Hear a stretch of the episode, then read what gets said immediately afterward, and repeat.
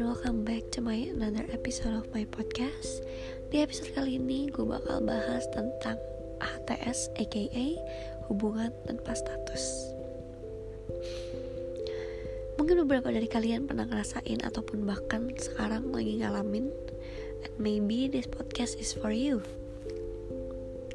Berada di satu titik yang maju ragu, mundur nggak mau. Beberapa sih bilangnya egois ya emang. Kalau misalkan lagi seneng mah seneng banget. Ngerasa ada yang nemenin ngerasa ada yang ngemanjain.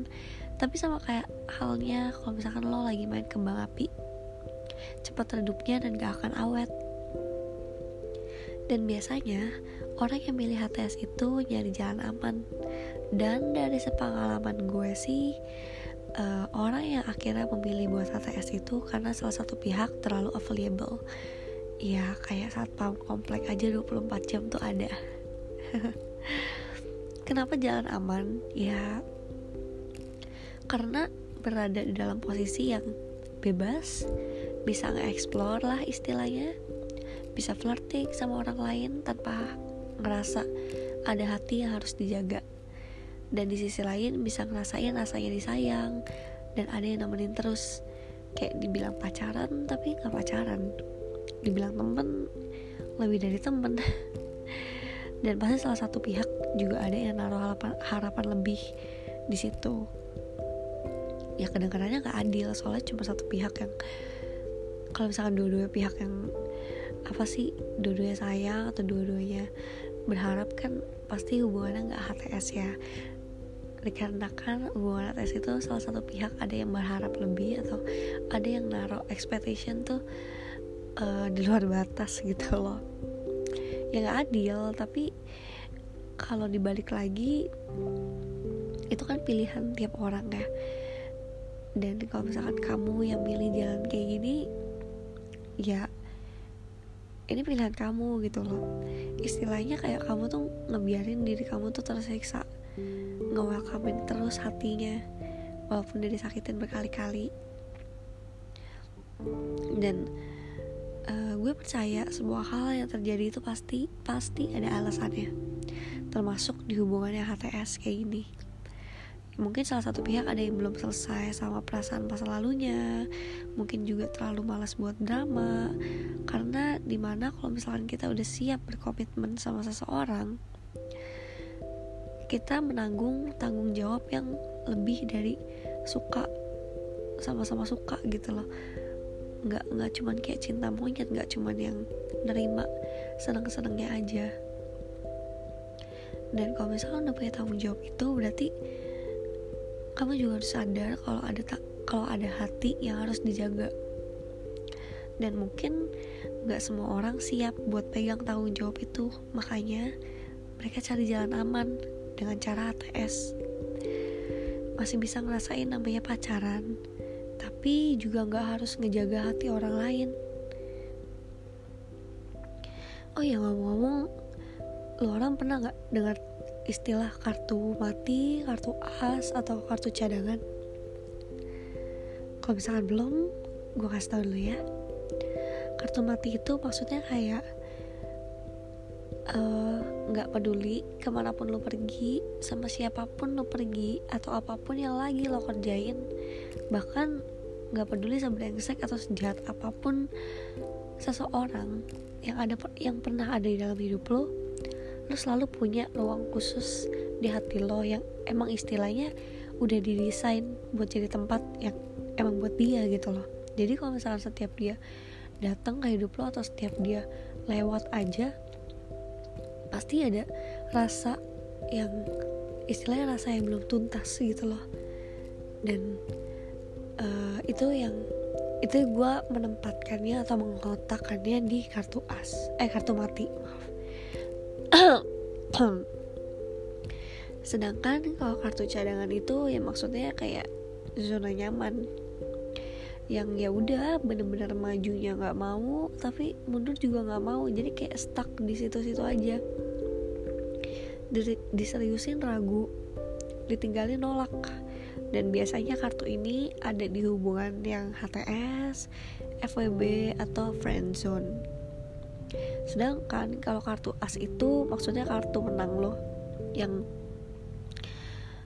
uh, apa ya kalau misalnya kita ngocok deck card gitu itu kan kartu as itu nggak begitu banyak ya daripada kartu-kartu lain dan gue bisa bilang kartu as ini adalah kartu menang karena uh, kartu menang lo ini bakal jadi sosok yang bisa bikin lo sedikit lupa sama kartu mati lo ataupun alasan lo keluar dari kartu cadangan lo dan dia dan orang itu bakal memotivasi lo buat jadi the best version of yourself.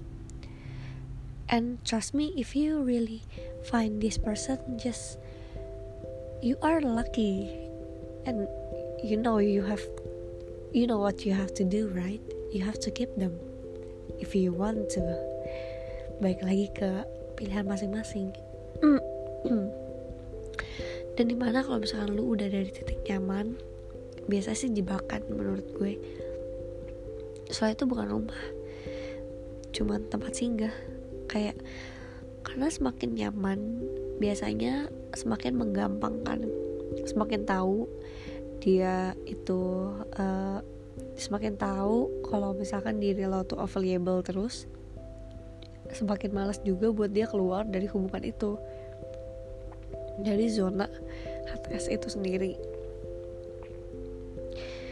Coba deh uh, menghemat waktu gitu.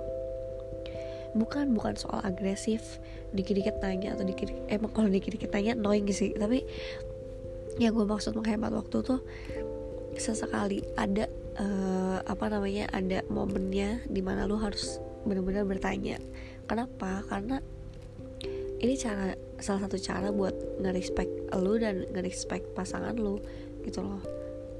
Soalnya kalau misalkan kalian stuck di satu titik yang nggak ke mana-mana lo nggak akan berkembang dan lo bakal di situ-situ aja. Dan kalau misalkan uh, pasangan lo nggak bisa membayangkan untuk bertumbuh atau uh, apa sih namanya growing old with you then maybe he's not the one or she is not the one. You're not going anywhere. It's done gitu selesai di situ. Dan let me tell you this berjuang tuh emang perlu perlu banget. Tapi tahu batas luar saya tuh di mana sampai kapan sih mau main-main sama perasaan sendiri? Sayang sama diri sendiri tuh perlu.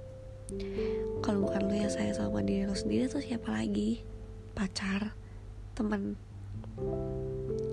ada jaminan apa orang itu bakal sayang sama lo kayak lo sayang sama mereka? Nggak ada jaminannya sama sekali. Dan gue nggak bilang gampang buat keluar dari hubungannya kayak gitu. Tapi gue juga nggak bisa bilang susah karena apa ya in at the end of the day semua orang bakal survive dengan cara yang masing-masing. At the end of the day you will always be okay with or without them gitu. Kayak kalau misalkan orang ini nggak berpengaruh baik buat lo dan mungkin orang ini menghambat pertumbuhan lo gitu dan lo nggak rugi apa-apa gitu loh. Mungkin lo bakal ngerasa sepi ngerasa kehilangan ngerasa uh, yang tadinya ada nemenin tapi nggak ada. Tapi itu cuman sementara aja gitu loh. Jadi kayak itu kayak proses proses buat uh, membiasakan diri lagi. Kayak contohnya tuh kayak sebelum lo kenal sama seseorang ini hidup lo baik-baik aja hidup lo senang-senang aja. Uh, you catch up with your friends doing good with your job gitu-gitu. Dan setelah lo ketemu orang ini habit lo berubah dong ya kan? Kebiasaan-kebiasaan lo berubah. Dan setelah lo selesai sama orang ini di situ ada namanya proses.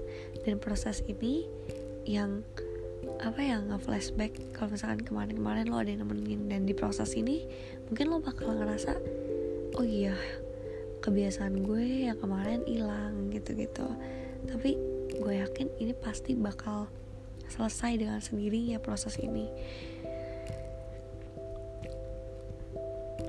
Percaya uh, kalau misalkan nanti lo pasti bakal nemu satu titik yang bikin lo akhirnya ikhlas yang bikin lo pikir kayak okay, I took this change and every pieces is coming together gitu. Kayak semuanya tuh udah jadi satu bulatan yang yang utuh yang lo udah tahu oh gue ketemu orang ini karena apa gue ketemu orang ini tujuannya apa. You'll find your purpose. Dan di saat lo menemukan tujuan lo di saat lo sudah menemukan big pieces itu lo mengenal arti kata ikhlas. Dia bukan alasan orang itu bukan alasan lo buat tangis lagi dan orang itu juga bukan alasan lo buat bahagia lagi. And trust me it's gonna be the best feeling ever. Sebenarnya ketakutan terbesar lo nih termasuk sih gue juga uh, itu cuma ada di dalam otak kita doang. Takut si doi ini dapat orang yang lebih baik dari lo atau takut dia malah seriusin orang lain selain lo. Tapi ya emang benar-benar bikin sakit hati sih. Tapi di sisi lain lo nggak bisa maksain orang lain buat ngikutin kemauan lo. Lo bukan anak kecil lagi dan bukan anak yang umur 5 tahun yang kalau misalkan nangis nih nih nih dikasih bukan anak yang kayak gitu lagi dan pilihan lo tuh cuma dua. Take it or leave it. Take it itu adalah ikhlas. Ikhlas tuh emang susah banget dan kalau misalkan gue cara gue ikhlas itu adalah lebih sayang ke diri gue sendiri. Dan mungkin selama ini gue lebih ngeprioritasin perasaan orang-orang lain dulu sebelum perasaan gue. Kayak apa ya orang lain biarin makan tapi gue kelaparan nggak apa-apa yang penting mereka udah makan kayak gitu istilahnya ya.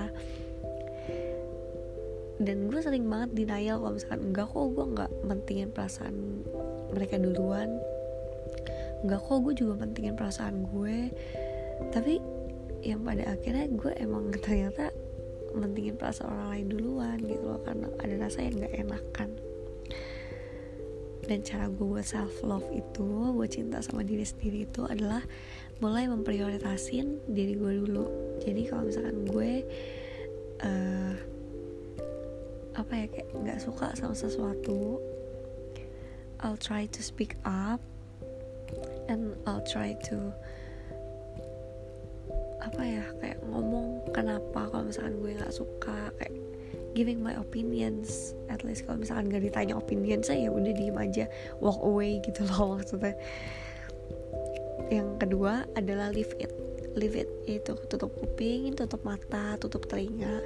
Nggak usah tahu berita apa pun tentang dia nggak usah uh, peduli.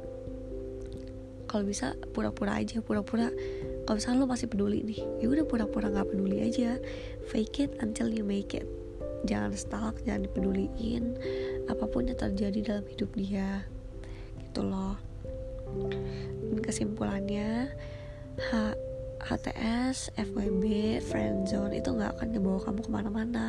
Kalau emang orang yang bersangkutan pun nggak mau jalan ke depan, nggak mau jalan nggak mau jalan ke mana-mana, mau stuck di situ doang.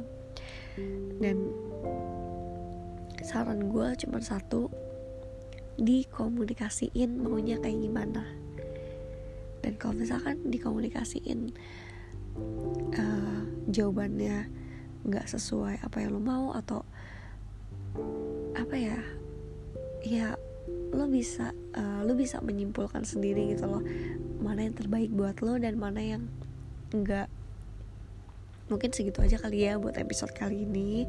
Semoga bisa berguna dan bermanfaat buat kalian semua. Amin. See you on my next podcast. Bye bye